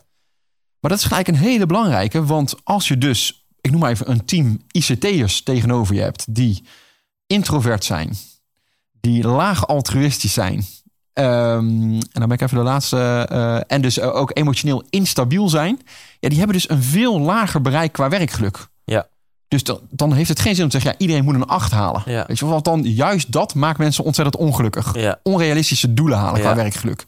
Dus dan is de vraag, oké, kan iemand, die ICT'er als voorbeeld, kan die van een 5 naar een 6 gaan? En dat heeft al een enorme impact, weet je wel. Dus uh, rekening houden met de verschillen die mensen kunnen bereiken, überhaupt qua werkgeluk, is een cruciale. Wauw, wauw. En um, is het dan zo dat je per se uh, ook iets van passie moet hebben voor je werk om dus hoog te scoren op werkgeluk? Dus is ook gewoon regelmatig de conclusie: ja, je kan je invloed gebruiken wat je maar kan. Maar jij gaat hier niet gelukkig worden in deze baan. Uh, nou, natuurlijk zijn er gevallen waarbij dat het geval is. Maar de, de, dus is, is jouw stelling, ja, als er geen passie is, dan kan je een beetje op, op detailniveau het wel iets verbeteren, ja. maar dan gaat het nooit ja. echt goed worden. Of zeg je van nee, dat is eigenlijk overrated en, en uh, je, je kan echt prima tevreden zijn met je werk zonder ja. dat daar per se heel veel passie zit. Nou, het, het, is, het is een goed punt, want wat je ziet is dat mensen um, kiezen eigenlijk liever voor de zekerheid van ongeluk dan voor de onzekerheid van geluk. Dus liever zijn we wat ja, wat ongelukkiger dan onzekerder. Ja. En als je met werkgeluk oh. aan de slag gaat, ja, heel vaak ga je mensen een beetje buiten hun comfortzone pushen. Dat je zegt, ja, we gaan wel even, je gaat wel jezelf even stretchen, weet je wel? Ja. En daarmee ga je een klein beetje de onzekerheid in. Ja. Dat, in het begin is dat heel vaak spannend. Maar als ik dus deelnemers eh, eh, een maand of twee maanden later spreek, zeggen ze: Oh man, dit heeft mij zoveel positiefs gebracht. Dus het is in het eerste moment spannend, maar daarna levert het veel meer plezier, voldoening en Ja. zingeving op. Ja. Eh, en ik denk dus iedereen die dat aandurft, die zegt: Nou, ik, ik wil wel een beetje die onzekerheid eh, eh, opgaan. Ja, die krijgt daar heel veel voor terug. Ja. Maar durf je dat? Hè? Dat, dat is de vraag. Mooi. Ja, je brein heeft natuurlijk de opdracht om te overleven en niet per Exact. se om gelukkig te zijn. Dus overleven is zekerheid. Hè? Dus, dus de zekerheid is een belangrijkere waarde voor je oerbrein Absoluut. dan, eh, dan Ja. gelukkig zijn. Ja, dus het zijn eigenlijk alleen de mensen die lef tonen, die durven. Eh, en die zijn er gelukkig genoeg, genoeg hoor. Ehm, ja, die, die, die gaan hiermee aan de slag. Ja. En, en als je dat opbreekt in zo klein mogelijke stapjes, eh, dan, dan blijft je reptiele brein een beetje buiten de radar. En dan kun je met mini-stapjes eh, die verandering in. Exact. En het, het is ook echt niet dat ik zeg van nou, en vanaf nu moet je ze kappen met je baan. En ga dat bed and breakfast in Spanje beginnen. Het zit juist heel vaak, 9 van de 10 keer, zit het in kleine aanpassingen in je huidige werk doen. Die al een, eh, een Ja. bijzondere impact kunnen hebben. Ja, en dan nog steeds mijn vraag. eh, is, is passie essentieel voor, voor een hoge score op werkgeluk? Nou kijk, passie zit dus naar mijn idee heel erg op die middelste laag, hè, op voldoening. Dus eh, kan je je kwaliteiten en talenten echt gaan inzetten? Datgene wat jou energie geeft, ja, kan je dat gaan doen? En het is inderdaad waar dat sommigen zeggen, ja, ik heb helemaal geen passie voor wat ik aan het doen ben.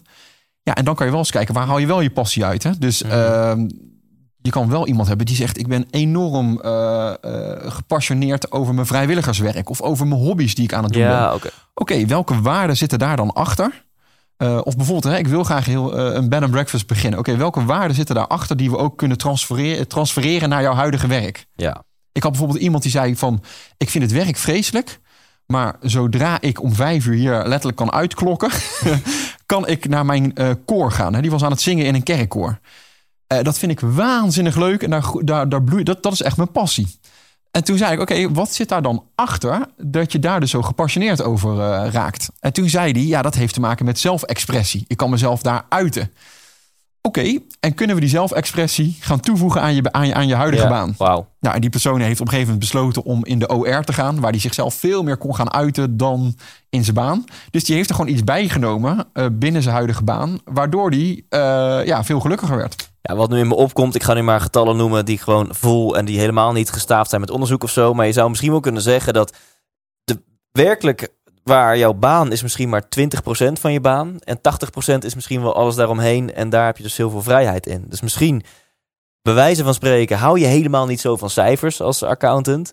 Ja. Maar kun je, eh, eh, ja, je houdt misschien wel van met andere mensen omgaan. En nou, je helpt in je baan andere mensen. Misschien hou je inderdaad van zelfexpressie. Misschien kun je heel veel van jouw eigen creativiteit kwijt in hoe je dan die sheets maakt. Eh, Ja. Misschien, Ja, dus je kan heel erg de, de, de, de werkelijke, als je je baan helemaal afsnijdt tot de kern, tot, tot de essentie, is dat misschien maar een klein gedeelte, relatief klein gedeelte. En kan je daaromheen het, het heel erg zo vormen dat het wel jouw passie bevat. Is dat Ja. eh, iets waar Ja. jij in meegaat? Ja, zeker. Maar ik, ik denk dus ook dat het... eh, ja, mensen kunnen er dus ook bewust voor kiezen van... Nou, ik doe mijn baan gewoon en ik geef het een zeventje bijvoorbeeld. Ja. Of zes.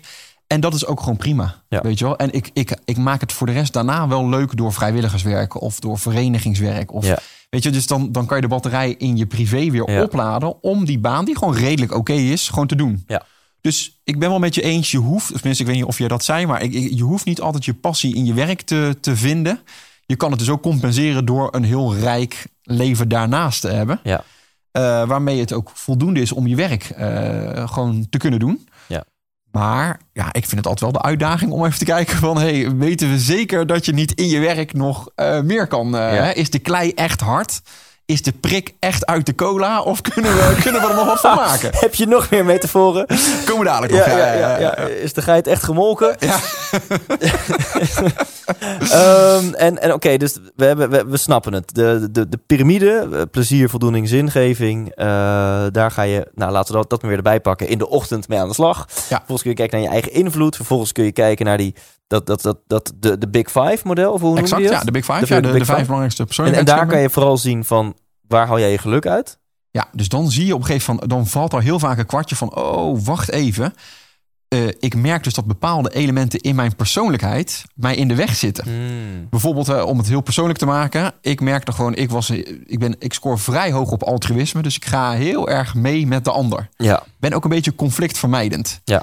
En dat is niet handig als je dus in een ziekenhuis uh, aan de slag wil met werkgeluk. Want voordat je het weet, zegt de manager: Oh ja, Erwin, hartstikke leuk. Maar ik heb nog een paar andere thema's voor je. Ja. Wil je daar niet mee aan de slag? Hè? Ja, dus, ja, en dan denk je ook maar uit een soort van obedience van nou prima, weet je wel, dan ga ik, dan ga ik mijn, mijn manager maar volgen en in haar plannen mee. Ja. En op een gegeven moment heb ik geleerd, nee, wacht even, mijn altruïsme zit mij in de weg. Ja.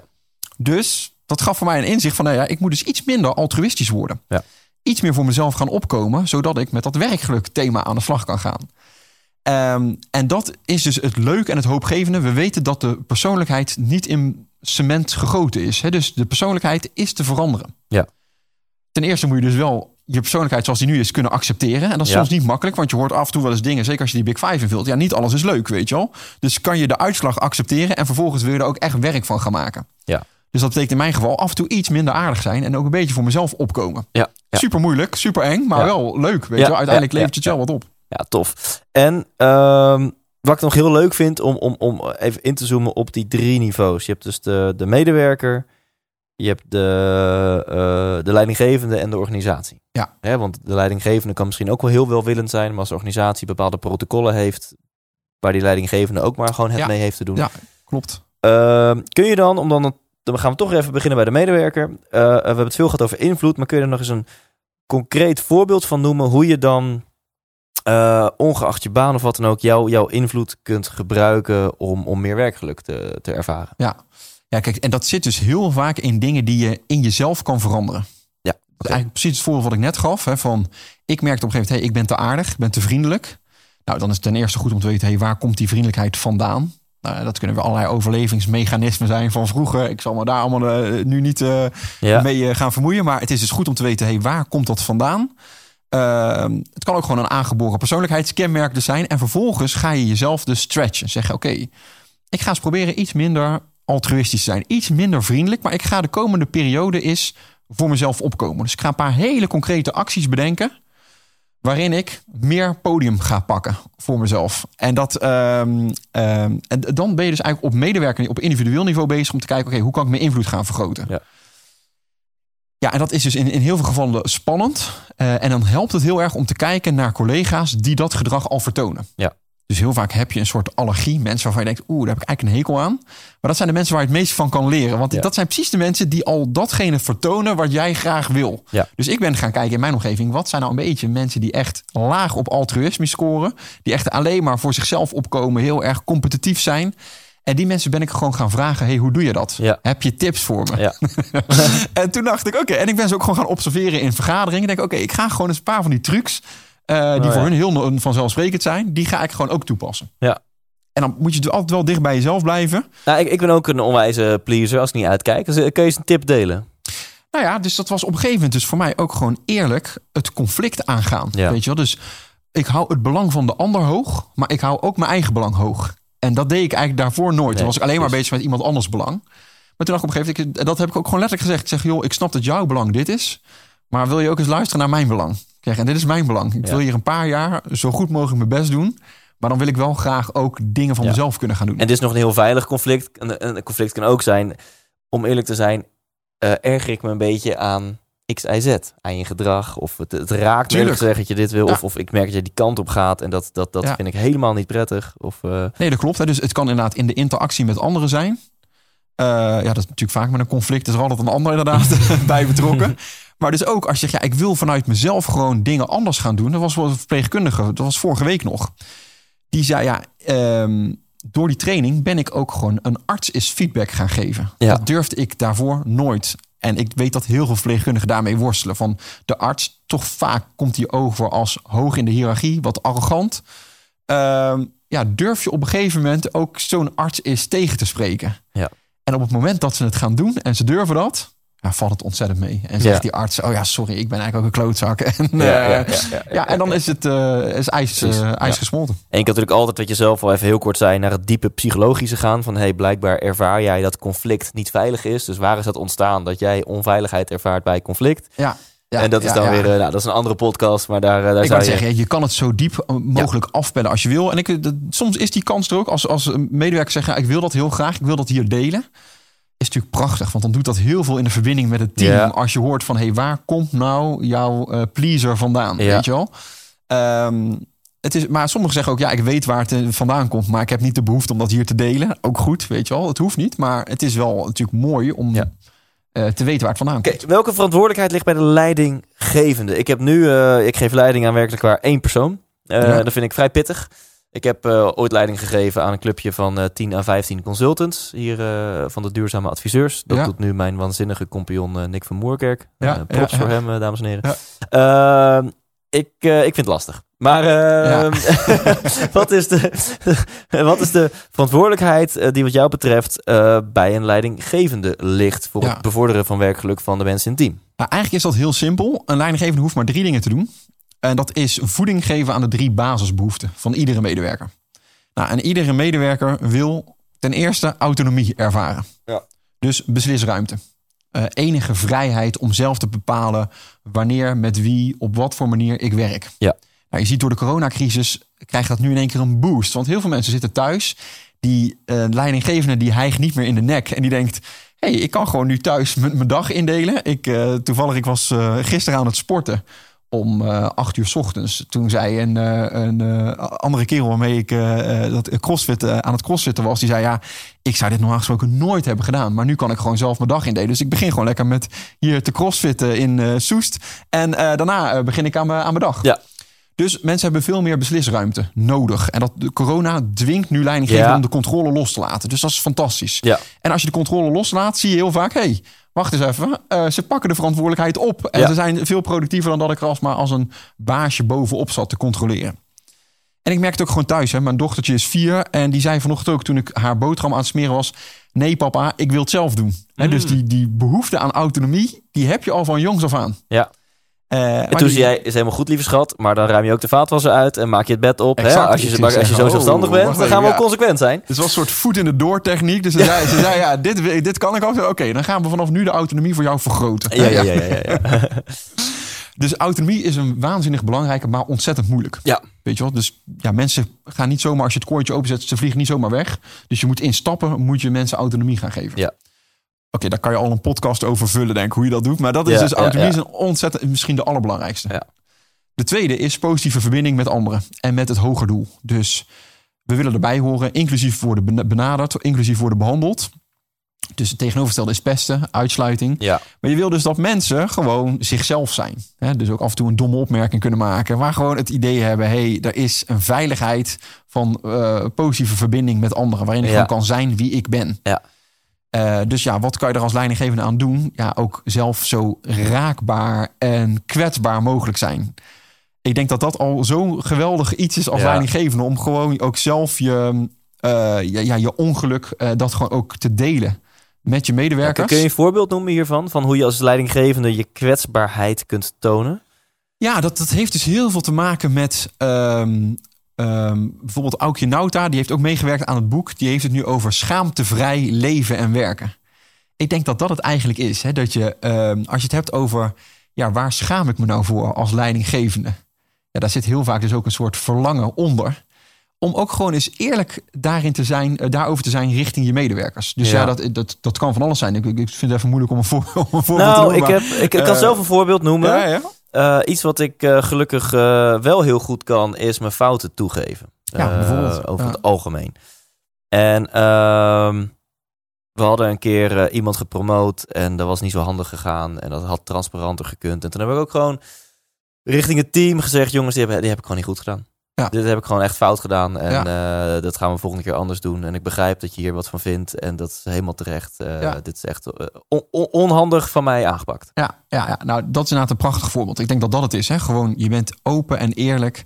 En daarmee word je dus raakbaar. Zeg ze, hey, het is ook een mens. Weet je wel, maakt ook zijn fouten. Oh, nou, dat opent voor mij de weg om ook gewoon eerlijk te zijn. En ook mijn fouten te delen. Ja. Weet je, dus dat is een ik denk dat dat een geweldige is. En dat heeft dus alles te maken met de verbinding creëren tussen medewerkers en tussen de medewerkers en jou als uh, leidinggevende. Ehm, dus dat is een tweede. Hè? Dus na autonomie is verbindingen ontzettend belangrijk. En de derde, ja, elk mens wil groeien, wil zich ontwikkelen, wil competent zijn, eh, wil vakbekwaam zijn. Dus hoe kan je, zowel on the job als off the job, hoe kan je mensen dat gevoel van ontwikkeling, van progressie, van groei, dat je, dat je gewoon bezig bent je vak uh, optimaal te kunnen uitoefenen. Ja. En dat zit hem dus ook vaak in uh, ja, mensen coachen uh, op het werk. daar ook gewoon eerlijk zijn, feedback, openhartig zijn in de feedback die je geeft. Ja. Maar daarmee mensen dus ook heel veel groeimogelijkheden geven on the job. Ik vind het heerlijk dat er gewoon weer een rijtje van drie uit jou uh, gerold uh, komt. En je zei net uh, tussen neus en lippen door, nou, dit is zo'n podcast op zich. Ik denk dat het helemaal geen slecht idee is als jij ooit een podcast gaat beginnen en in elke aflevering één thema van werkgeluk gaat behandelen. Oké, oké. Nou, ik ga er zo over nadenken. Gaan, gaan we eens even lekker broeden. Ja, ehm, ja AVO wat je zegt. Nu denk je, Thijs, heb je het over? Uh, ik, ik, ik, maak meteen een rijtje van. Dat is de A van autonomie. Ja. Uh, dat ja, is belangrijk als leidinggevende. Dat je je team uh, stimuleert om zelf keuzes te mogen maken. Vrijheid, sporten, lalala. De V van verbinding. En hoe creëer je die verbinding? Ja, als leidinggevende moet je zelf op die stip gaan staan en je kwetsbaarheid tonen. Helpt, ja. En dan de O van ontwikkeling. Je moet je ontwikkeling, groei moet je stimuleren bij de mensen. Ja, absoluut. Nou, hebben we dat gehad? Uh, de laatste. wat kan, nou, binnen een uurtijd uh, ja, ja, je hele organisatie uh, laten floreren. Ja. ja, dat is niet normaal. En, en, nou, over organisatie gesproken, dat is dan de laatste. Hoe, hoe, wat, wat, welke verantwoordelijkheid ligt bij de organisatie? Ja, en ik zal heel eerlijk zijn, daar zit ook minst mijn expertise. Okay. De, om maar even stukje, kwetsbaar. Stuk, ja, maar dat zeggen. Een stukje kwetsbaarheid van de expert, dames en heren. Daarvoor hebben we het handboek werkgeluk. En daar, daar hebben we echt experts aan het woord gelaten die daar heel veel van weten. Ja. En eigenlijk, dat is een beetje een simpel antwoord, maar je zou die autonomie, verbinding en groei die heb je natuurlijk ook op organisatieniveau. Kan je daar heel veel mee doen. Dan krijg je ineens AVG trouwens. Autonomie, verbinding, groei. Dat is oh, dan weer iets minder sexy. AVG. Ja, ja, ja, mensen aan die privacy-normen. Ja, ja, Of aardappelen, vlees, groente. Nou, uh, maar ik, ik, moet, ik moet heel eerlijk zeggen, ik heb nog net een boek uit over Netflix. Waarom is Netflix nou zo'n gigantisch succes? Dat gaat helemaal over de organisatiecultuur. En eerst geloofde ik niet zo in organisatiecultuur. Ik dacht, het zit met name gewoon in het team. Daar gebeurt het. En de organisatiecultuur, ja, wat is dat? Je hebt het echt over het bedrijf Netflix. Exact, ja. ja, dus, dus, niet, niet per se waarom die series zo populair zijn, maar waarom... Nee, nee, exact. Van, uh, ja, uiteindelijk uh, zie je het natuurlijk aan de series die heel populair zijn. Maar hoe komt het nou dat Netflix zo'n gigantisch succes is? Dat heeft alles te maken met hun organisatiecultuur. En dan, dan zit je dus op het laatste level, denk ik, gelukkig organiseren. Ja, wat kan je als organisatie doen? Dat is dus werken aan je cultuur. En uh, daar kan je dus heel veel dingen in doen. Maar wat Netflix doet. En ik zeg niet dat je dit gelijk moet copy-paste. Want ik heb me ook ethisch gezien. heb ik ook al wat vraagtekens bij. Uh, maar wat zij bijvoorbeeld doen. is het begrip talentdensiteit. Dus zij kijken periodiek. Hè, dat kan volgens mij maandelijks of per kwartaal zijn. Vragen ze aan hun managers de keeper-test te doen. Dus dat houdt in. Van welke medewerker zou je nou doodziek zijn als die naar de concurrent gaat? Ja, ja, ja, ja. Zeg, nou, ik zou er alles aan doen om die persoon te behouden oké, die persoon, daar ga je alles voor doen om die, die persoon te houden. En de rest, daar nemen we allemaal afscheid van. Ja. Uh, maar dus ook gewoon je goed, redelijk goed presterende medewerkers, hup, nemen we afscheid van. Ja. Zolang, je die niet, zolang die niet door de keeper-test komt, uh, ja, uh, gaan we er niet mee verder. Dus die geven ze wel een royale ontslagvergoeding. Maar daarmee creëer je dus eigenlijk uiteindelijk een sfeer van supersterren ja. in, je, in je organisatie. Van alleen maar super succesvolle uh, creatieve ja, uh, wow. Dat kan denk ik wel voor zo'n soort organisatie. Hè? Uh, voor een organisatie waar creativiteit ontzettend belangrijk is. Ik weet niet of dat voor alle andere organisaties geldt. Dat, ik, ik hoor mensen nu al denken, nou, 80% gaat eruit bij ons. Ja, ja, ja daarom. Dus, dat is ook precies een beetje de twijfel nog, of de, de vraag die ik heb van, is dat model overal toepasbaar? Je hebt misschien als organisatie ook een soort ethisch, uh, ja. Uh, ja. een ethische vraag van, oké, okay, je bent er ook voor de mensen die, die het moeilijk hebben en maar goed, zo pakt Netflix het aan. Die zegt gewoon de talentdensiteit is een hele belangrijke. En zodra we weten dat we supersterren overhouden, zijn we zo openhartig mogelijk naar elkaar. Dat is de tweede. En um, uh, zorgen we dat de beslissingen zo laag mogelijk in de organisatie worden belegd. Dus als een medewerker van Netflix denkt, nou dit is een goede serie, daar moeten we 3 eh, miljoen voor investeren. Feel free om het te doen. Wauw. Ik weet hier ook twee voorbeelden van. Dus uh, kan ik ook stoer doen met verhalen. Ja, ja. Nee, maar ik denk het echt heel, sluit heel erg op jou aan. Eén over Netflix. Uh, en die ken jij ongetwijfeld ook. Uh, want volgens mij een heel bekend verhaal. En volgens mij heeft hij het ook bij, bij College Tour, die CEO, toen, toen verteld. Toen hij hier in Nederland uh, was. Of hij werd in elk geval een keer geïnterviewd in Nederland en heeft hij dat verteld. Dat, eh, de, vroeger had Netflix een regeling dat als je ging vliegen, dan was het maximaal zoveel euro per reis. En als je dan buiten ja intercontinentaal vloog, dan was dit het maxbudget. En als je een laptop kocht, was dit het budget. En wat deden elke medewerker? Ja, die wilde gewoon de, de, het compleet maxen natuurlijk. als ik 1200 euro budget voor een laptop krijg, koop ik een laptop van 1199 euro. Ja, gewoon de, max opzoeken. en, en het was ook heel veel administratie, moest allemaal bijgehouden worden, moest gecheckt worden, en een systeem ingeboekt, bla bla. En een tijdje hebben ze dat van tafel geveegd en gezegd: uh, act in best interest of the company. Exact. Nou, die ken je. Ja. Uh, en dan dat gingen medewerkers. Nou ja, misschien dat dat dan die IT-medewerker dan zegt: Nou, ik heb echt een laptop nodig van 2000 euro. Want dat, is gewoon super waardevol voor mijn functie. En, en, en iemand anders die zegt: Nou ja, een laptop van 400 euro is prima. Ja. En, en wat ze merkten. Is dat, uh, en als jij denkt, ja, ik moet echt nu business class vliegen, want X, Y, Z. Ik moet morgen een presentatie geven waar ik scherp voor moet zijn. Ja, ja, ja exact. En ze merkten dat, dat medewerkers veel tevredener waren, want autonomie en vrijheid. En dat uh, het omlaag ging, het bedrag. Er werd minder, het, het netto bedrag dat werd gedeclareerd, ging omlaag. En ze hadden geen rompslomp meer, want ze hoefden niks meer te controleren en checken. Je kan gewoon alles indienen. Ja, ja, dat is perfect. Ja, dat komt volgens mij letterlijk, dit voorbeeld komt uit, de oorsprong ligt bij Netflix. Dit wat je nu beschrijft. Ja, ja, exact. Ja. dus zo zie je de meeste mensen deugen. Als je ze maar wat vrijheid geeft. Nou, en, en dan een mooi voorbeeld van Bas van der Veld, uh, de CEO van AVAS. nou ja, AVAS wordt natuurlijk ook te pas en te onpas altijd genoemd als voorbeeld als het gaat om werkgeluk en klanttevredenheid en dat soort dingen. En uh, de, de meeste bedrijven hebben ergens een handboek staan van stel dat, dat, een dierbare van een van de medewerkers overlijdt.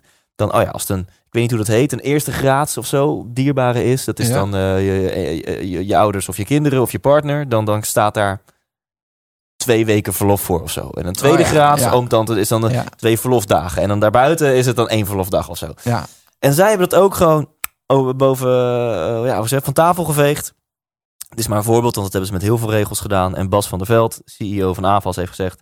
er komt nu gewoon een regeltje in. Uh, de, de manager gaat in gesprek met de medewerker... afhankelijk van het verdriet, hoeveel tijd hiervoor staat. En volgens mij is dat ja, zelfs letterlijk... de medewerker mag helemaal zelf bepalen. Want misschien overlijdt uh, jou, jouw vader... Maar zeggen, ja, maar dat was al een, een, een, een, een, een sterfbed van, van 10 jaar. En hij is 94 geworden.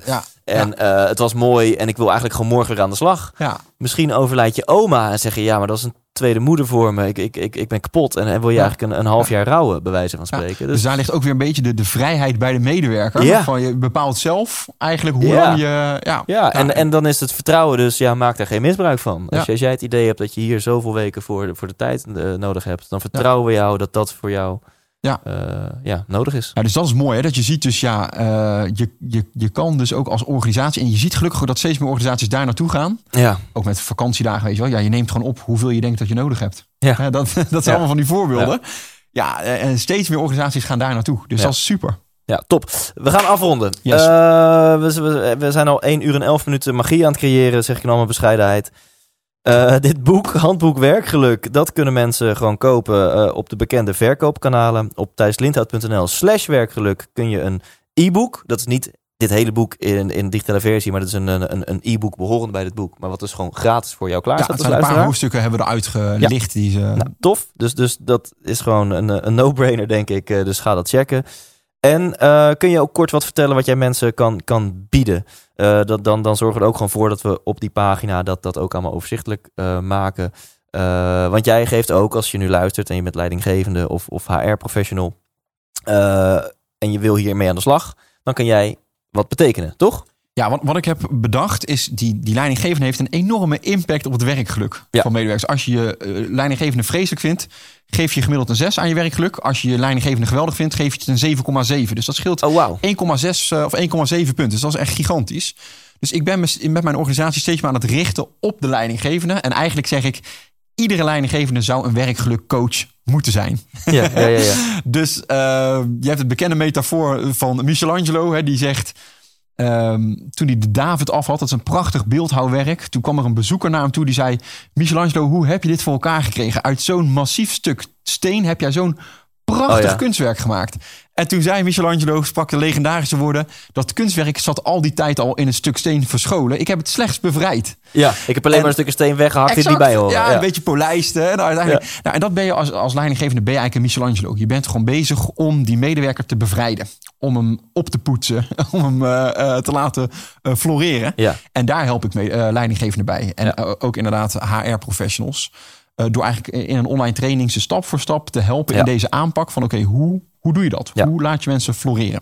Ja, dat is een traject van hoe, hoe lang duurt dat traject? Zei je? Het zijn zes modules. Ja. Van uh, gemiddeld een uur met nog een uur uh, aan vragensessies die er ook aan gekoppeld zijn. Ja. Dus dat is uh, uitgesmeerd zeg maar, over, een, over een termijn van een aantal maanden. Waar ja. je het, gewoon, je kan, het is al opgenomen, dus je kan het rustig zelf zeg maar, op het moment doen dat jij het wil. Ja. Uh, dus het zijn zes modules van gemiddeld dus twee uur. En die vraagsessies, die zijn wel live? Of die... Ja, en dan komen we gedurende de looptijd van het eerste jaar... komen we nog vijf keer bij elkaar. Oh ja. Digitaal. digitaal, ja. We doen alles maar een beetje corona-proef ja, op dit moment. en dan komen uh, eigenlijk de meest sprangende vraag die je hebt. Van nou, ik ben nu met mijn team aan de slag, maar ik zit met Pietje en het lukt niet. Hoe krijg ik hem in beweging?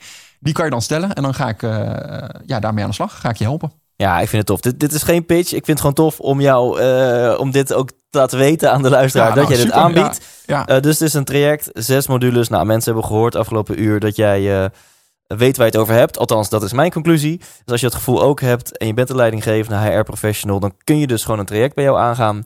Volledig digitaal, zes modules en ook nog een aantal live sessies dat je al je vragen kwijt kunt. En we doen ze ook nog in een community stoppen. Dus dat, ja, online community, dat, ze ook En nu denken mensen, ja, dat is allemaal leuk, maar dat kost natuurlijk duizenden euro's. Maar jij vertelde mij net, het is uh, eh, 750 euro. En het kan alleen maar minder worden op het moment dat je met een grotere groep uh, leiding Ja, dus als je echt als organisatie beslist om hiermee aan de slag te gaan, dan hebben we een, een staf vol. Dan zeggen oké, met hoe meer uh, leidinggevende deel gaan nemen, hoe goedkoper het uiteindelijk wordt. Ja, ik vind het epic. Om uiteindelijk te zorgen dat zoveel mogelijk leidinggevenden hiermee gewoon aan de slag gaan. Weet? Ja, dat is dit, is, dit, is, dit is epic.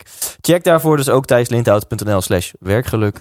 tot slot, Erwin, is er iets wat ik had moeten vragen, maar niet gevraagd heb? Uh, nee, ik denk dat we vrij uh, volledig zijn geweest. Ik ben blij dat je mij niet om de, om de spot hebt gezet. Of weet ja. Daar was ik al bang voor. Ja, maar... dus laten we afronden. Ja, ja, ja. Nee, is er nog een slotwijsheid die je de eter in wil gooien? Een slotwijsheid? Um... Oeh, ja, ik zit al te denken. We hebben best wel wat, uh, wat, wat, wat, dingen denk ik aangeraakt. Dus een slotwijsheid. Wat, wat, waarom is het... waarom vind jij het zo belangrijk dat mensen aan de slag gaan met hun werkgeluk. Nou ja, je zou uiteindelijk, het is misschien een beetje een dooddoener, maar je zou kunnen zeggen, het leven, um, ja, een, een, belangrijk deel van je leven ben je aan het werk. Dus dan kan je maar beter leuk hebben. Nou, laat hier ook, bam. belangrijk deel van je leven is uh, werk. Top. Dan kun je het maar beter daarin leuk hebben. Uh, dames en heren, dit is Erwin Klappen. Dankjewel. Nou, en nu horen we op de achtergrond, als het goed is, de outro jingle. En uh, mag ik hem gaan afronden? Uh, super tof als je het ook ziet op YouTube. Dan uh, zwaaien we, in elk geval ik, nou nu wij heel schattig naar je. Check dit boek dus, Handboek Werkgeluk op bol.com, do, managementboek.nl. en ja, ik vind het echt heel tof wat Erwin te bieden heeft. als jij meer wil lezen en gewoon direct die gratis bonus wil, check dan thijslindhout.nl slash werkgeluk check die webpagina ook als jij interesse hebt in een van die, of ja, in een training bij Erwin die in mijn ogen gewoon ontzettend betaalbaar is en veel waarde biedt. Dus doe daar je voordeel mee. Eh, ik vind het heel tof dat ik jou dat aan kan bieden als luisteraar. En ik hoop je ook gewoon volgende week weer eh, te zien. Leef intens.